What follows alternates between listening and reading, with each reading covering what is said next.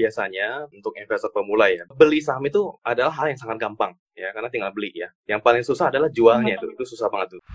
Saya melihat keuntungan terbesar yang kita bisa raih di pasar saham itu ketika terjadi krisis. Nah, kalau misalnya kita bicara saat ini adalah global financial crisis, maka sebenarnya nih dari 600-700 perusahaan di Indonesia, kita minta satu orang anak eh, lima tahun balita gitu ya, sembarangan pilih lima saham pun gitu ya. Itu lima tahun ke depan kemungkinan untung ratusan persen.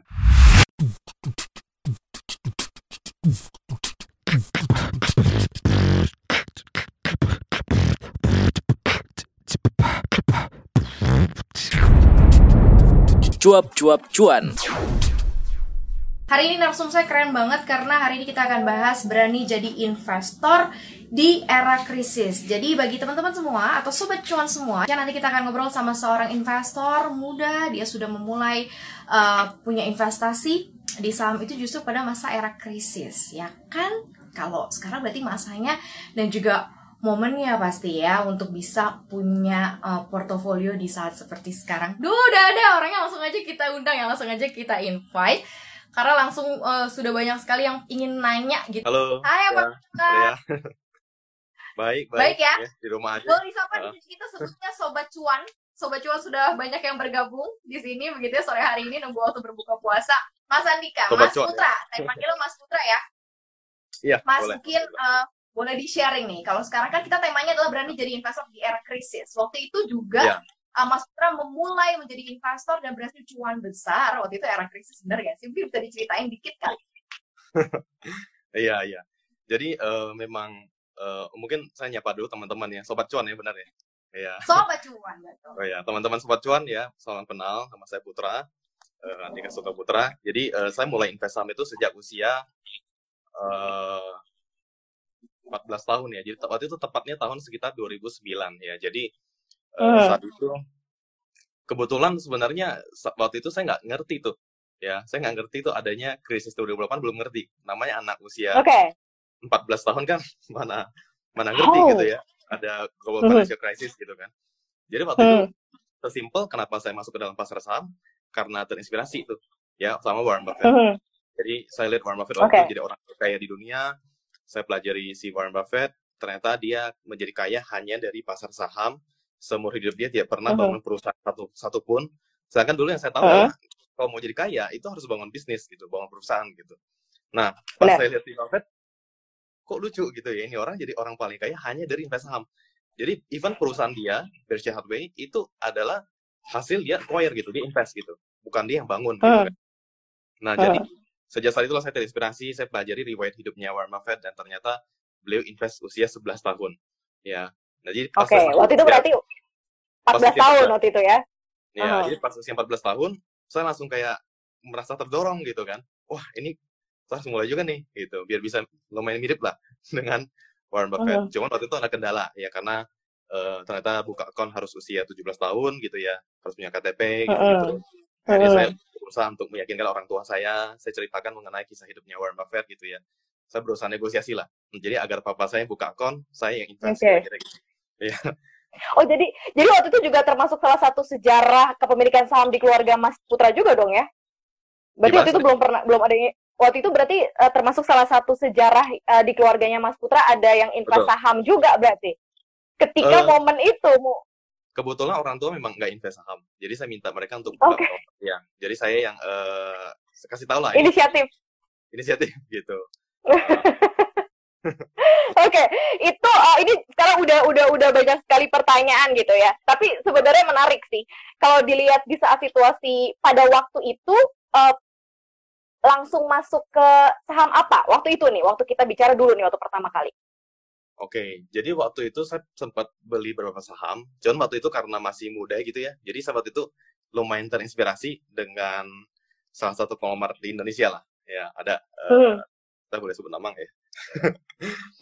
boleh, boleh, boleh. Ya, saya sebut aja lah Pak Pak Haritano Ya. gitu ya. Kan waktu itu karena pas Oh, cari orang Indonesia, konglomerat Indonesia, ternyata Pak Haritano ini juga dari muda udah invest saham gitu loh.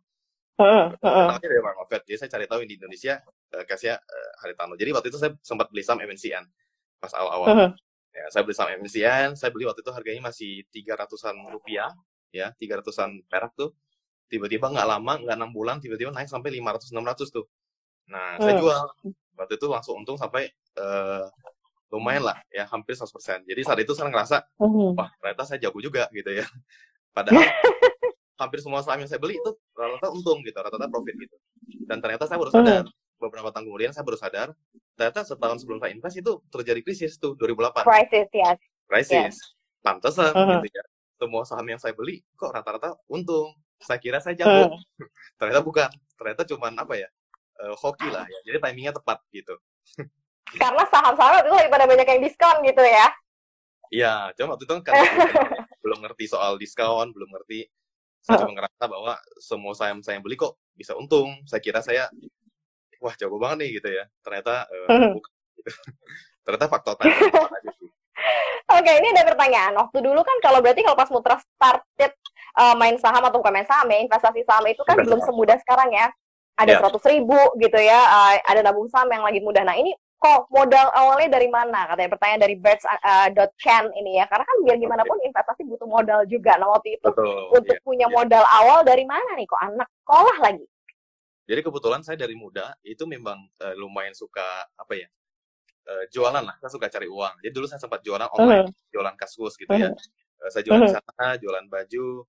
Kebetulan waktu itu papa saya juga kontraktor kayak semacam rumah wallet. Saya sempat jualan juga, jualan eh, CD-nya lah. CD wallet itu bisa di eh, apa? Di Jakarta kayak kurang tahu soal itu ya. Itu biasanya bisnis yang di Kalimantan gitu. Jadi saya jualan CD-nya, Mhm. jualan online, jualan lewat, kaskus saat itu. Dan dari Mhm. situlah saya kumpulin modal. Jadi waktu itu walaupun saya masih muda, saya jualan online, tapi saya bisa punya penghasilan 15 juta sebulan saat itu. Jadi memang suka apa ya, suka cari uang lah, suka cari duit gitu. Karena waktu itu Hmm, terinspirasi oke. oleh game.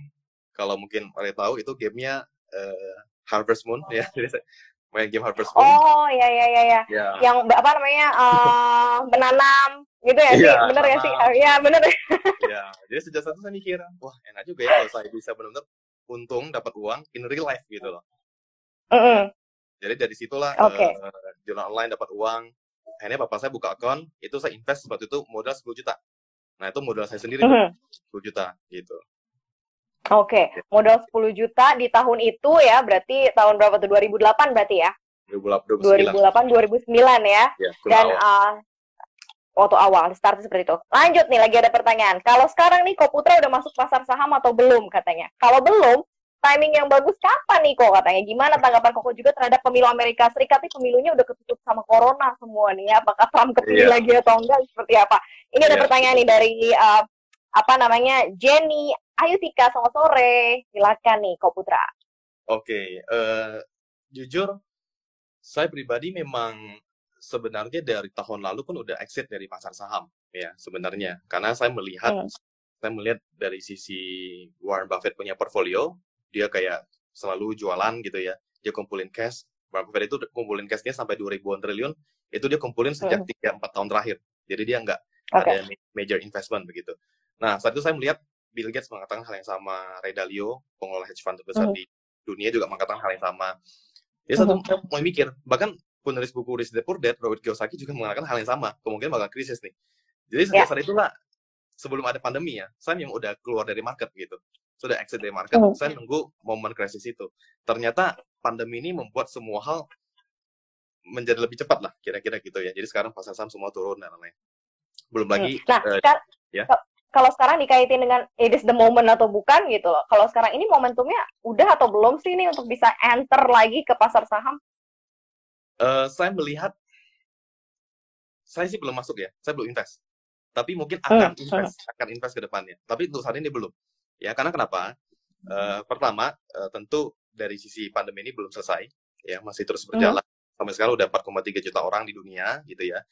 Ya, dan ya. juga eh, first quarternya GDP rata-rata dunia rata-rata minus Indonesia masih plus Uh-huh. 2,9 persen walaupun eh, terlemah ya terendah sejak tahun 2001 gitu ya dan saya lihat eh, sepertinya kemungkinan di Q2 ini akan eh, bisa lebih buruk sepertinya ya karena kita yang kita tahu di Indonesia Hmm. kan first case-nya COVID-19 kan tanggal 4 Maret tuh dua Ya, orang ya, ya. dua orang saat Ya. itu nah Hmm. itu aja yang mulai dari Maret aja situasinya udah seperti itu gitu sedangkan kan kita dari April Mei udah work from home ekonomi eh, kurang berjalan banyak orang dipecat gitu ya bahkan di US unemployment rate udah sampai 15 persen itu kan tinggi sekali gitu ya. Sedangkan orang US ada 330 juta orang, berarti 40 juta orang eh, dipecat gitu.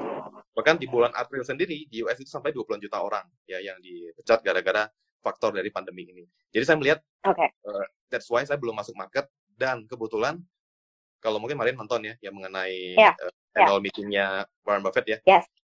Dia juga belum masuk market gitu. Jadi saya pikir mungkin saya belum masuk ya. Saya belum masuk. Hmm, oke. Nunggu momentum ya. Momentumnya kapan nih harus terus dipantengin nih berarti Instagramnya Mas Andika Storo ya. Nah, Ya, Nih Mas, ada pertanyaan. Kalau seandainya nih, um, buat Koko juga nih, kalau misalnya nanti nih mau masuk, ini metode apa yang dipakai? Lump sum, jut semuanya, dolar atau dollar cost uh, averaging yang baik untuk masa saat ini nih. Dia pertanyaan dari Hugo underscore uh, Vincent 88. Selamat sore. Oke, itu Gimana pertanyaan kok? sangat baik ya. Jadi Hmm. lump sum atau eh, dollar cost averaging atau DCA gitu ya. Ya. Kalau soalnya mana yang baik? Well, sebenarnya dua-duanya baik. Coba saya jelasin satu-satu agak panjang nggak apa-apa ya. Jadi Oke, silahkan kok. silakan ya. Oke. Iya, iya. Kalau yang pertama, untuk yang lamsam, tentu kita harus memang cari timing yang tepat nih. Ya, karena kalau sam- sampai Hmm. timing yang tepat, itu bisa berisiko fatal. Sebagai contoh, kalau misalnya, ini comparison ya antara eh, dengan dollar cost averaging dengan yang lamsam. Misalnya, eh, kita kan tahu ada Great Depression nih, tahun 1930 di US. Saat itu kondisi pasar Mhm. saham itu kacau sekali kan gitu kan. Nah, di kondisi yang terburuk sekalipun, saat itu, kalau kita menggunakan investasi saham dengan strategi DCA, dollar cost averaging, kita invest setiap bulan, itu malah aman gitu loh, masih bisa survive di tengah kondisi yang paling buruk sekalipun. Sebagai contoh, Oke. kalau kita invest dalam saham, timingnya salah nih, satu hari sebelum Great Depression terjadi, yaitu tahun 1929, satu hari sebelum terjadi, sebelum drop gitu ya, sampai berapa puluh persen, itu kalau kita invest saat itu, besoknya turun, itu untuk break even aja, balik modal, itu butuh waktu 20-an tahun. Kan lama sekali ya. Waduh. Ya, Iya, kalau tapi- itu dicemplungin semua ya. Iya, itu kondisi saat itu lah. Ya. Harusnya saat Iya. ini nggak akan seperti itu, nggak akan separah itu ya. Buffett juga meng- mengatakan hal yang sama. Nah, kalau kita menggunakan Mhm. metode DCA tadi, dollar cost averaging, kita mulai invest sejak eh, satu hari sebelum Great Depression, case-nya sama nih. Nah, itu ternyata kita Mhm. udah bisa balik modal, kita break even di tahun 1933. Bahkan di tahun 1936, Hmm. uang kita udah double di tahun 1936. Jadi, dollar cost averaging saya rasa adalah satu metode yang sangat bagus ya untuk para pemula yang mau masuk saham di kondisi sekarang pun saya rasa mau masuk kondisi sekarang oke gitu. Karena DCA itu lebih agak bodoh amat. Mau ekonomi bagus mau krisis pokoknya cicil aja terus every month gitu ya. Every single month kita invest dan in the long term itu hasilnya pasti Hmm. eh, lebih baik. Sedangkan lamsam hasilnya bisa lebih besar kalau masuknya di timing yang tepat gitu loh. Oke. Nah itu lagi ya pilihannya terserah deh ya. Tapi Ya, kalau terserah. dilihat itu tadi pilihan antara lump sum dan juga DCA pasti sudah Ya. jelas arahnya ke mana. Kalau dilihat dari momentum uh, bisa lulus atau lolos gitu dari krisis gitu ya Mas Putra ya. Oke ya, lanjut nih uh, ke Putra. Ada pertanyaan kalau dari uh, dulu itu belajar awal-awal uh, apakah memang mencontoh Warren Buffett saja atau ada pendampingan sih yang ngajarin juga nih? Uh, ke Putra nih ada pertanyaan dari uh, Mikhaila di 26 dulu awal-awal belajarnya sama siapa katanya Oh, jadi eh, waktu itu ya sebenarnya saya punya seribu alasan lah untuk nggak invest saham ya. Karena pertama Hmm. eh, saya dari US United Singkawang ya salah satu kota kecil di Hmm, hmm. Kalimantan Barat. Jadi bukan US-nya Amerika gitu ya di Singkawang. Di sana itu nggak ada sekuritas bayangkan ya. Jadi kalau saya mau buka account saham itu nggak nggak ada gitu. Eh, apalagi buat belajar saham itu nggak ada. Jadi saya belajar benar-benar waktu itu otodidak saya baca buku saya beli buku bahkan saya mau beli buku aja saya itu saya harus ke Gramedia-nya Pontianak karena di sana belum ada Gramedia. Jadi kotanya se sekampung itu gitu ya. Jadi saya harus ke Pontianak harus beli saya beli banyak buku saya belajar buku Warren Buffett. Nah cuman saat itu eh, hampir satu tahun pertama saya saya sebenarnya bukan investor saya trader saat itu. Karena oke. Ya saya trader saya ke Jakarta waktu itu eh, mulai kuliah ya mulai kebetulan saya kuliah memang usia 16 tahun jadi sebelum itu saya mulai cari-cari. Nah papa saya buka account di Jakarta baru tuh saya mulai bisa buka account saya saat itu trading. Trading Hmm. karena belum ngerti tuh belum ngerti ada yang namanya oh investasi gitu. Belum ngerti ada yang namanya Hmm, trading gitu ya. Pas buka akun kan dikasih taunya trading.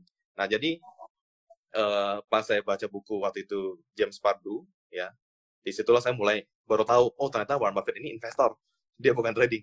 Nah saat itulah saya mulai mengubah haluan gitu. Saya belajar dari awal gitu bagaimana cara eh, invest yang benar gitu ya Oke. Berapa tahun tuh titik baliknya setelah dari trader terus ke investor berapa tahun tuh titik baliknya? cukup cepat sih, kayaknya cuma setengah eh, setengah setengah tahunan lah, nggak nyampe satu tahun. Setengah tahunan. Ya, setengah Oke. tahunan. eh iya sekitar itu saya 9 bulan kali ya saya agak lupa yang penting nggak nggak genap satu tahun eh ubah Mhm. haluan udah tuh saya langsung benar fokus 100% karena kan goal saya adalah mau ikutin fans lah ibaratnya Mhm. mau ikutin si Buffett kira-kira gitu Mm-mm, mm-mm. Mau lihat idola lah ya, idola ke mana gitu ya. Dilihat Iya. caranya dan ternyata memang worth it dan berhasil menuju ke situ. Nah, sekarang pertanyaannya lebih kepada uh, pengalamannya gitu di Erwin Tambunan 17. Kok pernah cut loss nggak? cut loss nggak sebuah saham atau pernah kalah akhirnya salah gitu ya menilai sebuah saham dan akhirnya terpaksa cut loss nih. Gimana nih kok? kalau pernah cut loss enggak pasti pernah ya. Nggak mungkin saya selama 11 tahun invest saham nggak pernah. Rugi itu nggak nggak mungkin gitu ya. Nah cuman Nggak mungkin mungkin ya. ketika saya masuk dalam pasar mungkin agak berbeda. Jadi saya bukan masuk pasar terus saya, saya langsung set cut loss-nya di mana take profit di mana Eh, bukan gitu. Jadi biasanya itu saya karena saya pelajari company-nya kalau saya mengerti sebuah bisnis itu benar-benar saya ngerti nih kualitas dari sebuah bisnis atau contohnya lah saya ngerti sebuah mobil Mercedes-Benz ketika harganya makin murah Mhm. harusnya saya happy kan nah har- ketika Ya. harganya makin murah harusnya saya happy nah itu yang saya lakukan justru eh, saya jual ketika saya cut loss gitu ya ketika memang perusahaan ini nggak bagus perusahaan ini mungkin Mhm. tiba-tiba tidak rugi net profit yang menurun cukup tajam itu saya lepas jadi mungkin bahasanya bukan cut loss sih ya ya jual bisnis aja gitu Nah, kalau sekarang posisinya nih uh, 100% investor atau mix nih antara investor atau trader juga gitu. Jadi artinya ada saham yang dilihat momentum jangka panjang, ternyata ada juga yang menengah atau pendek pun juga dimanfaatin nih sama Koputra. Oke saat ini saya 1000% investor Oh, wow. Kejawab ya semuanya. 1000% Ya. 1000% investor udah langsung dijawab gitu ya. Nah, kalau misal dilihat dalam situasi seperti ini, apalagi kalau kita lihat soal asing yang jualan terus nih, apakah mereka sebenarnya confident atau enggak sih sama pasar Indonesia? Nah, bagaimana seorang investor seperti Koputra ini melihat uh, kondisi dan posisi asing yang emang ya in outnya cepet lah ya di Indonesia nih. Eh, Pertanyaannya dari Andi underscore Chan 007. Silakan kok. Oke, 007 James Bond berarti ya. Ya, James Bond.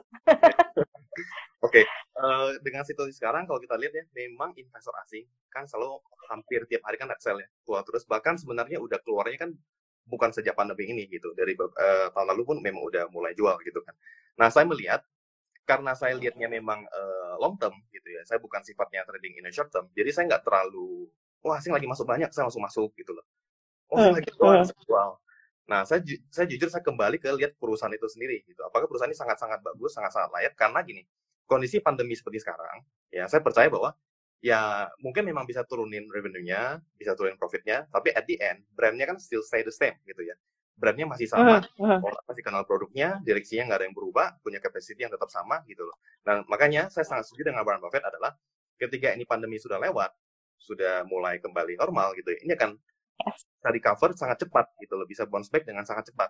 Tapi at the end depend Mhm. on uh, perusahaan apa dulu gitu ya, bisnis apa dulu gitu. Oke. Kalau di saat sekarang nih perusahaan apa atau sektor apa sih sebenarnya yang lagi dilirik sama Koputra? Ini juga banyak nih pertanyaan nih tahun 2020. Terus kalau seandainya ada kita sambung lagi ya mau pertanyaan selanjutnya banyak banget nih kok.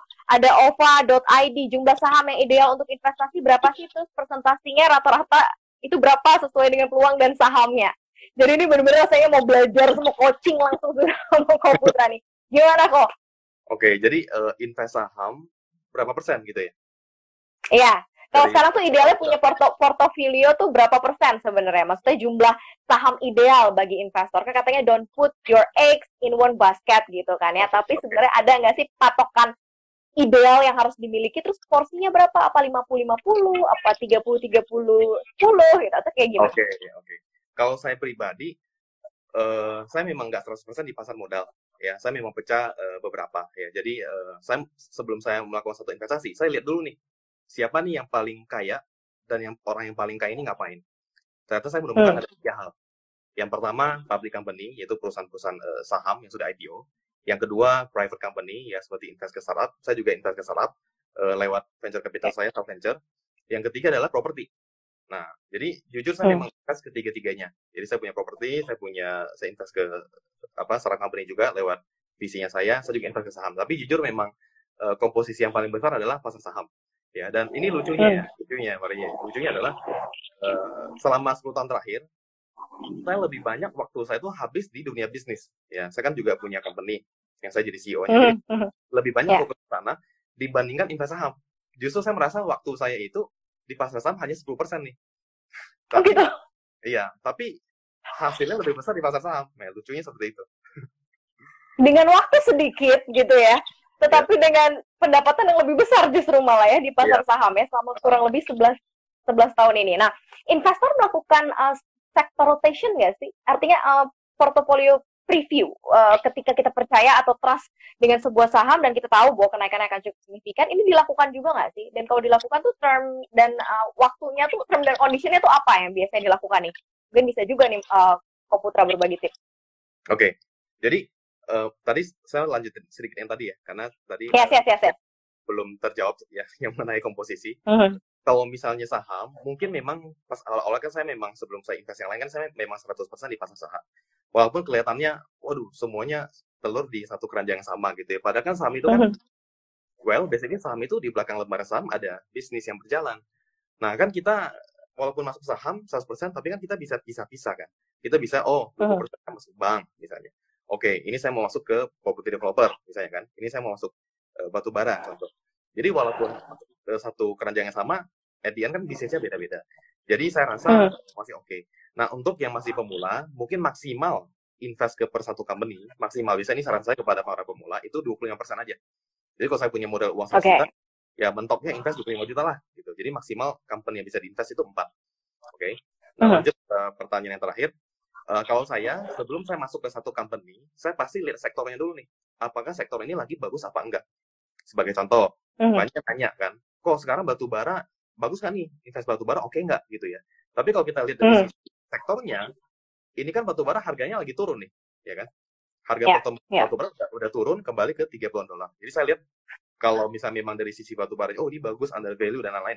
Tapi kalau dari harga batu bara sendiri udah turun, saya rasa ini kan sangat berat.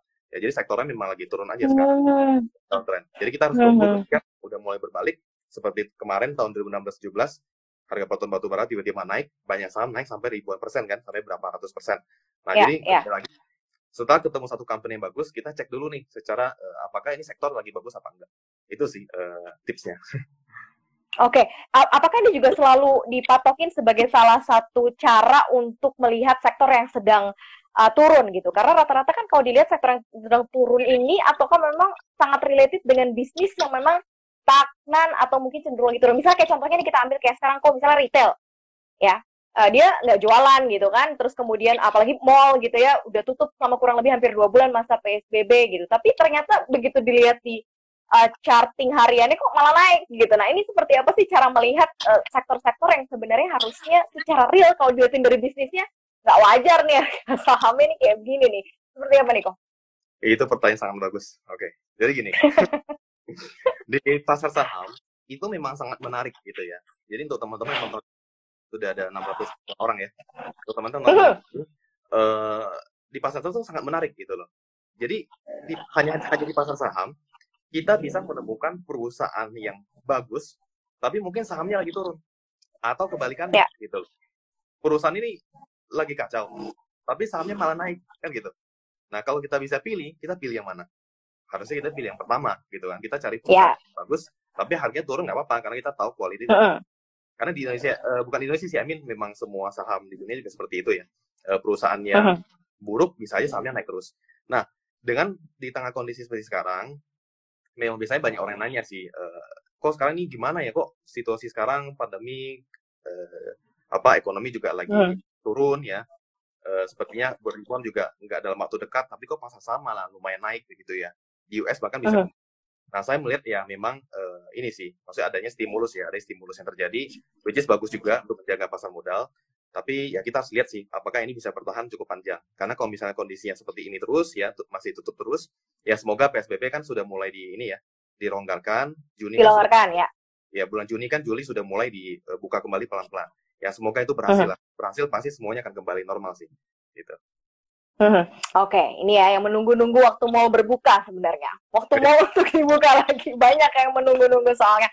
Oke, ini ada pertanyaan nih, uh, Putra. Kalau seandainya pada saat kondisi seperti ini sebuah uh, perusahaan melakukan uh, aksi korporasi, misalnya seperti stock split ya, ini bisa menjadi satu opportunity ataukah uh, justru bisa jadi kerugian gitu buat kita. Ini ada pertanyaannya dari Vicky Taufik. Kalau punya saham, sahamnya stock split atau berencana untuk masuk saham, saham yang akan stock split gitu. Nah, ini masuknya ke kategori yang menguntungkan atau sebenarnya harus perlu diperhatikan nih kenapa perusahaan ini melakukan stock split. Gimana nih Kok Putra? Kalau saya lihat sih uh, saya nggak melihat satu opportunity gitu ya dari sisi stock split ya. Maksudnya maksud saya gini, oh stock split hmm. nih ini ada sesuatu yang buruk nih atau sesuatu yang bagus. Saya nggak lihat dari aksi koperasi yeah. itu karena at yang saya lihat adalah bisnisnya memang bagus apa enggak. Biasanya kan stock split memang sengaja dilakukan kalau misalnya ini sahamnya ini uh, apa secara nilai per satu lotnya ini lumayan mahal. Jadi investor kecil itu nggak bisa masuk. Jadi biar liquid, biasa kan bikin stock split ya. Satu banding sepuluh, satu lima untuk tarik harganya ke bawah. Agar apa? Agar banyak investor uh, apa yang modalnya kecil, investor kecil ya, bisa ikut masuk juga dan bisa lebih liquid. Uh. Nah, tapi karena biasanya lebih liquid, mungkin di bandnya bisa lebih besar, mungkin in short term, ya in short term mungkin bisa ada kenaikan.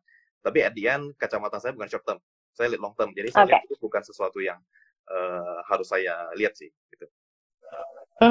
Kalau kalau long term kan ada ada beberapa time frame ini macam-macam nih. Long term versinya Koputra ini berapa lama sih versi long termnya? Karena masing-masing investor kan punya kategori long term masing-masing. Ada yang bilang tiga tahun tuh buat saya udah long term gitu ya. Tapi ada yang bilang ya belum long term lah lima tahun lah. Ada juga yang sepuluh tahun gitu. Nih kalau Koputra ini berapa tahun? Mungkin nanti sambil dijawab waktu long termnya berapa lama gitu ya versinya Koputra.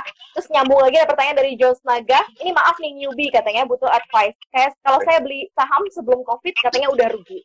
Sekarang COVID makin rugi. Gimana gimana nih caranya uh, advice-nya nih kok? Cut loss aja dengan resiko ruginya ratusan juta, hmm, kemudian atau oh, ratusan persen, sorry, salah, kemudian atau biarin aja nunggu bertahun-tahun. Jadi beli sebelum COVID udah rugi, sekarang COVID makin rugi. Nunggu dengan rugi ratusan persen, cut loss dengan kondisinya adalah bakal rugi ratusan persen, atau biarin aja nunggu deh sampai recovery sendiri. Gimana nih? Sambil tapi dijawab yang tadi dulu nih. Okay. Long term versinya Koputra. Oke, okay. kalau saya uh, sebenarnya sebagai, sebagai investor ya tergantung sudut pandangnya, yang tergantung visinya itu seperti apa. Karena visi itu lumayan apa ya? Visi kita sebagai investor itu lumayan mempengaruhi time frame kita dalam sisi investasi gitu ya. Nah, uh-huh. kalau misalnya orang-orang yang mungkin uh, dari sisi dia punya prinsip, dia punya visi, dia punya goal, saya pengen menjadi oh saya pengen trading for living gitu ya. Ya mungkin ya dia akan main short term karena kan dia pengen bisa untung in short term dalam permingguan atau sebulan. Jadi dia bisa mungkin ya cover ya hidup misalnya. Nah, kalau saya mungkin uh, karena visi saya adalah saya pengen one day ya, dan saya buat visi selalu per 10 tahun, uh, saya pengen one day ya nanti ketika saya usia 30-an saya bisa menjadi pemegang saham terbesar, ya entah itu di bank, di property developer, di mining atau apa, itu goalnya saya. Nah, karena saya pengen seperti yeah. itu, tentu yang saya harus lihat adalah jangka panjang. Tapi memang jujur, uh, kalau yang sekarang ya selama saya invest selama 11 tahun, jujur saya nggak pernah hold satu saham itu sampai lebih dari tiga tahun ya. Yang pernah saya lakukan okay. maksimal dua tahun biasanya. Bahkan ya pegang satu bulan dua bulan saya jual juga sering gitu ya. Selama saya uh, uh. saham dan ternyata sahamnya naik ya dia balik ke value-nya atau bahkan over value saya udah lepas tuh saya udah jual. Saya pindah ke saham lain. Begitu sih. Uh, uh, nah untuk yang pertanyaan kedua tadi uh, tadi pertanyaan kedua mengenai beli saham rugi saham, sebelum rugi. covid uh, setelah covid rugi. Katanya kalau di cut loss gitu ya makin rugi. Kalau di cut loss ya ruginya uh, ratusan persen katanya. Kalau misalnya di, apa ditunggu tapi dengan ya time uh, recovery-nya yang kita nggak tahu ya recovery-nya berapa lama. Oke, okay, saya menerima pertanyaan ini cukup banyak ya. Jadi uh, kadang-kadang saya merasa bahwa saya udah seperti dokter saham gitu ya. Jadi ditanya mengenai okay. apa oh yes, ini lagi you are. udah kayak apa ya? Ini lagi turun nih gimana? Lagi covid gimana? Gitu. Uh, uh, sebenarnya tergantung, tergantung apa mungkin fokusnya adalah jangan fokus kepada posisi yang kerugian itu, tapi melihat apakah dari total aset liquid yang kita punya saat ini, berapa banyak, hmm. berapa persen yang kita masuk ke dalam pasar saham. Contoh, misalnya saya punya total aset liquid, ya, aset liquid kan berarti ya deposito masuk, ya bonds masuk, tapi properti nggak masuk gitu ya. Uh, hmm. Itu misalnya total aset liquid saya, saya punya 1 juta. Nah ternyata yang saya invest ke saham, itu ternyata cuma 20 juta. Nah, 20 juta ini saya invest ke saham, mungkin saya rugi 50%. Misalnya saya rugi 10 juta. Wah, kalau rugi 50% kan banyak sekali gitu ya. Nah, tapi kan ya. kerugian yeah. 10 juta ini cuma rugi 10%. Ya kan? Saya invest 20 juta, saya rugi 50%, maka saya mengalami rugi 10 juta. Hmm. Nah, kerugian 10 juta ini compare dengan total aset liquid saya itu cuma 10%. 10 juta berbanding 1 juta. Jadi itu bukan yeah. masalah. Buat saya itu bukan masalah. Hmm. Jadi itu masih oke okay, uh -huh. karena uang cashnya masih banyak, aset liquid masih banyak. Itu bisa dipakai nanti untuk invest. Nih, tinggal tunggu time yang tepat atau tadi pakai metode DCA dari sekarang itu 2 3 tahun 4 tahun pasti untungnya ratusan persen tuh. Saya sangat yakin tuh. Hmm. Sampai ratusan persen.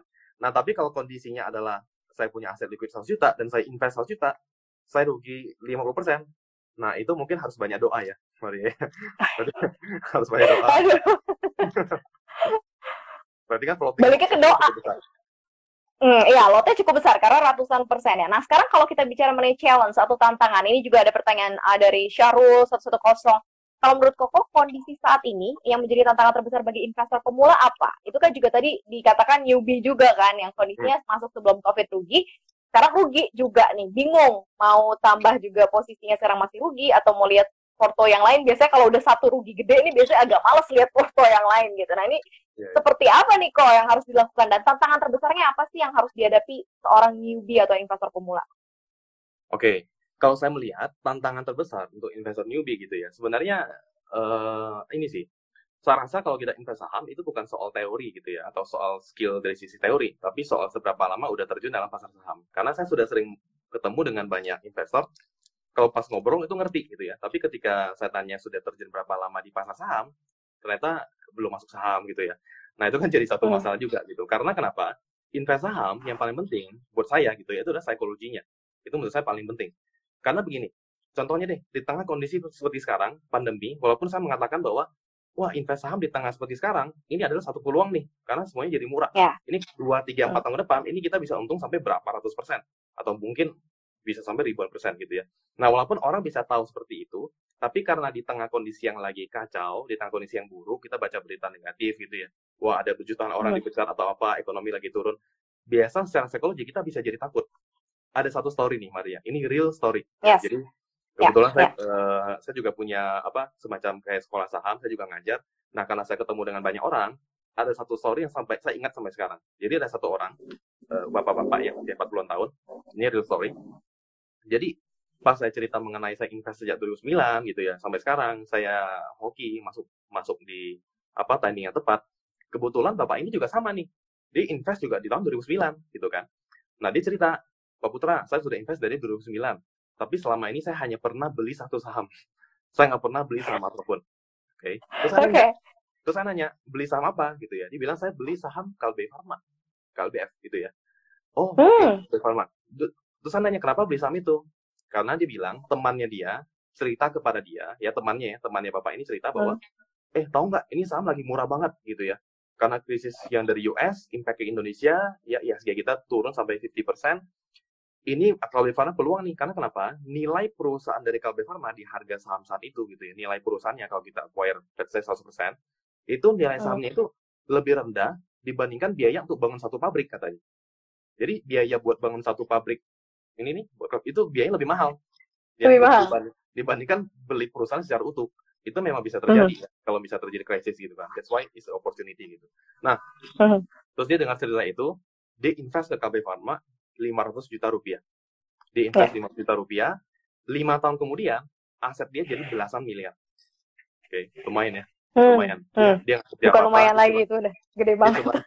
tiduran aja gitu ya. lima tahunan jadi belasan miliar. Terus saya wow keren banget gitu ya belasan miliar gitu ya. Terus dia saya cerita ini kemungkinan bisa ada lagi atau ada krisis lagi atau apa. Nah intinya Mhm. adalah terus saya tanya berarti temannya bapak keren banget ya bisa tahu itu dan lain. Temannya bapak kalau boleh tahu untungnya berapa? Lebih besar dong gitu ya. Ternyata Iya, dia bilang temannya nggak invest. Jadi, jadi Hmm. cerita temannya itu nggak invest saham jadi bapak ini nggak tahu apa-apa tapi dia berani terjun dia masuk dia malah untung belasan miliar sedangkan temannya yes. cuma tahu informasi itu dia mau cuma memberitahu tapi nggak invest akhirnya nggak untung apa pun. Nah itu maksud maksud saya itu. Nah kadang-kadang ya kita harus berani terjun mungkin kita di awal-awal harus nabrak tembok dulu rugi sana sini. I think apa ya itu ya pengalaman aja gitu kan. Semakin kita nabrak Mhm, sana sini kita mhm. belajar makin banyak kita jadi investor yang makin bijak gitu sih Hmm. Makanya pas banget tema kita hari ini ya berani jadi investor di era krisis saat ini Iya. gitu ya. Iya. Apakah kita harus punya kemampuan atau kemauan atau brave yang begitu besar gitu saat ini dan apakah ini benar benar momentum ataukah tidak gitu. Nah kita lihat nih ada pertanyaan lagi nih kok kita lanjut dari Raffi underscore Nurdiansa lebih baik punya saham banyak di beberapa perusahaan atau punya satu aja di perusahaan tapi banyak gitu. Jadi artinya invest satu kan kalau tadi kan uh, Koputra sempat bilang empat lah idealnya empat ya. Eh, Uh, empat itu juga dibagi-bagi. eh, ya maksudnya empat itu paling banyaknya ya kan maksimal satu saham 25 Paling banyak. Mm-mm. Ya, seyaknya kita maksimal 4 gitu. Jadi ini Mhm. baiknya satu aja atau Heeh, banyak Tapi gitu ya. banyak. Ya, satu tapi banyak gitu. Artinya semua ketika averaging down masuk ke situ, ketika dapat uang lagi masuk lagi ke situ, atau sebenarnya taruh lagi di beberapa uh, perusahaan-perusahaan lain lah gitu. Oke, kalau boleh cerita eh, based on eh, experience saya gitu ya. Eh, kalau saya pribadi selama saya invest saham, saya belum pernah punya lebih dari 10 saham. Ya, kebetulan belum pernah tuh. Lebih dari 10 saham. Jadi maksimal-maksimal paling saya 7 gitu ya, 7 8 gitu. Kenapa? Karena Hmm. saya sempat baca lumayan banyak bukunya Warren Buffett ya. Dan Hmm. apa saya menemukan bahwa ternyata Buffett itu adalah orang yang tidak suka diversifikasi kan bahkan Buffett Oh, ketika menemukan saham yang sangat bagus dia berani invest sampai 60% dari portfolio dia invest ke satu saham berarti kan sangat berani Hmm.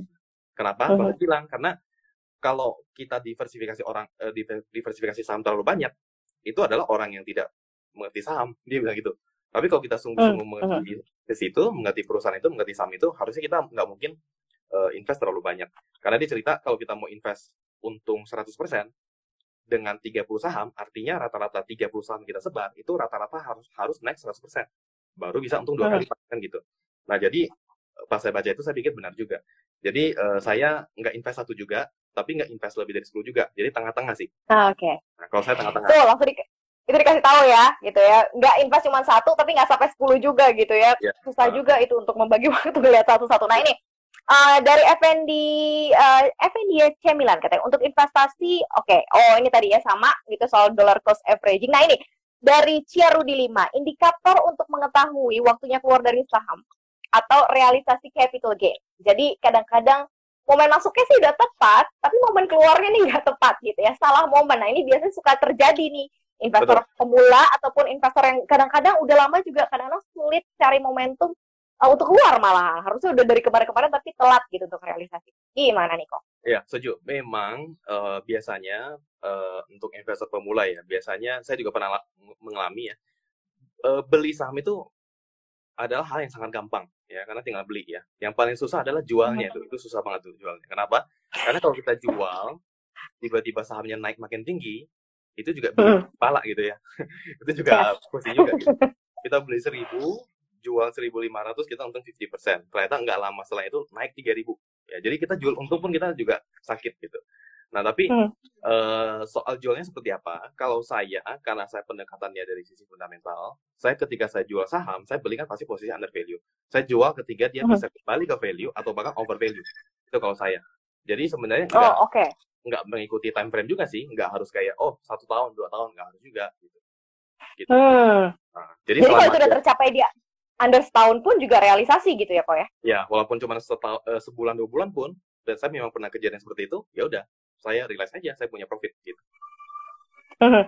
Kalau Tapi sekarang saya kan, uh, oke, kalau sekarang kan Koputra belum masuk nih, belum ngelihat gitu ya, masih lihat potensi nanti seperti apa. Ini ada pertanyaan dari Adwi Guna, pengen tahu sih watchlistnya Koputra sekarang apa aja katanya, yang dijadiin watchlist, yang diteropong gitu kira-kira. Untuk jadi sektor potensial ke depan atau saham-saham potensial yang kayaknya oke buat bisa dimasukin ke watchlist nih. Silakan kok. Oke, oke. Eh, biasanya kalau sebut saham, saya paling anti ya. Jadi saya, saya memang kebetulan eh, bukan orang yang eh, saya nggak pernah tuh sebut kode saham di apa di apa di Instagram saya karena saya merasa Hmm. hal yang kurang baik lah karena orang akan ikut secara Hmm. buta dan dia nggak mengerti Ya, apa pun. Jadi dia bukan Hmm. jadi independent investor. Tapi saya akan jawab dari sisi lain ya. Eh, kalau eh, saya eh, apa sih yang saya lihat gitu ya? Sebenarnya begini, saya melihat bahwa invest saham dengan keuntungan yang paling besar gitu ya, dan saya juga melihat sejarah transaksi eh, yang dilakukan sama Buffett ya. Saya melihat keuntungan terbesar yang kita bisa raih di pasar saham itu ketika terjadi krisis. Nah, krisis ini kan be- beda-beda. Ada krisis dari paling kecil, company krisis, ada sektor krisis gitu ya, ada yang global financial crisis. Nah, kalau misalnya kita bicara saat ini adalah global financial crisis, maka sebenarnya nih sebenarnya eh, dari 600-700 perusahaan di Indonesia, kita minta satu orang anak usia 15 eh, 5 tahun balita gitu ya, sembarangan pilih 5 saham pun gitu ya. Itu lima tahun ke Hmm. depan kemungkinan untung ratusan persen gitu. Jadi kalau misalnya lihat satu sektor krisis, kita dan sektor itu mulai bounce back gitu ya, kita invest saham-saham di sektor itu, kita untung sangat besar. Nah dalam kas eh, dalam kasus yang seperti sekarang, karena ini adalah sifatnya global, semuanya jatuh gitu ya. Sebenarnya kita mau invest saham yang kita tahu pun kayak blue chip atau apa, itu pasti udah pasti untung tuh. ya karena in the long term saham pasti bagus. Nah, tapi kalau saham apa yang saya pantau mungkin sepertinya rahasia ya. Memang sudah ada, cuma mungkin belum bisa saya sebut. Gitu. Momentumnya juga belum belum saat ini ya berarti ya, belum sama sekali masuk berarti ya kok ya di pasar Ya, saham saya ya. melihat sih, saya masih lihat kemungkinan eh, di kuartal kedua sepertinya pertumbuhan ekonomi juga akan melambat ya. Eh, Saya Mhm. lihat tidak kesesuaian antara pasar saham dengan underlying real ekonominya, saya lihat tidak sesuai. Saya lihat yang di US juga Mhm. Mulus, apalagi sudah mau ada apa pemilu ya, pemilu di sana Ya di US. Mhm. dan biasanya pasti pasar saham ada satu, salah satu yang dijaga gitu loh sebagai wajahnya. Ini harus ini. Jadi saya Mhm. bel- belum melihat eh, untuk masuk dalam waktu dekat. sih. Kalau Mhm. saya pribadi Oke, ya, kalau tapi saya pribadi. ya. waktu, waktu dekat tuh berarti eh, di 2020 pun belum tentu atau masih lihat nunggu nanti nih 2020 mungkin nanti akhir-akhir gitu ngelihat kondisi atau seperti apa sih? Karena kan banyak banget yang muncul untuk eh, mengatakan nanti recovery-nya Indonesia nih mm, mungkin di September atau mungkin di Juni gitu. Itu jadi patokan seorang investor atau enggak sih? Nah, pegangan seorang Koputra ini apa sih untuk melihat momen eh, masuk atau kembalinya ke pasar modal gitu untuk collect lagi? Oke, kalau saya melihat pertama eh, dengan kondisi sekarang karena faktornya eh, kita apa market kita sekarang ya ekonominya semuanya kacau gara-gara faktor COVID-19 ini.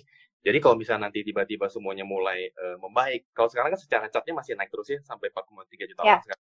Kalau nanti sudah mulai, mulai oke dan nanti ketika pembukaan apa pelonggaran yang kita lakukan PSBB itu sudah baik, tidak semakin parah, itu yang kita harapkan ya. Semoga bisa jadi makin baik. Ya mungkin eh, saya bisa eh, mungkin saya akan mulai masuk saham gitu. Tapi sepertinya Hmm. bukan prediksi ya, maksudnya estimasi karena saya bukan orang yang suka memprediksi.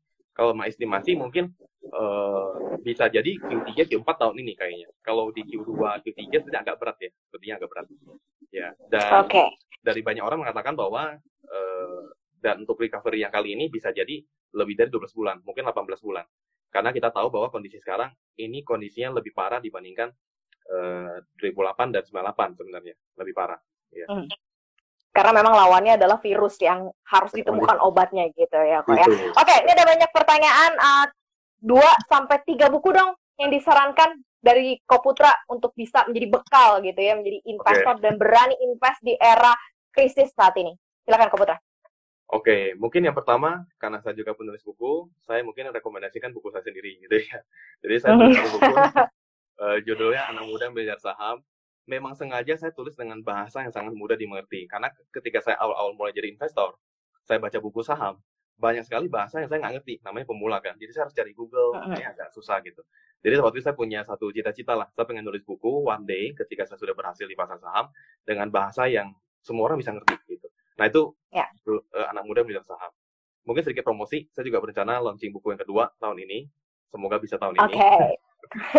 Nah, untuk buku yang kedua, eh, saya rasa buku yang sangat bagus ya untuk para pemulung juga, bahasanya gampang dimengerti ya, untuk mengerti kondisi eh, pasar saham dan lain-lain, strategi ya.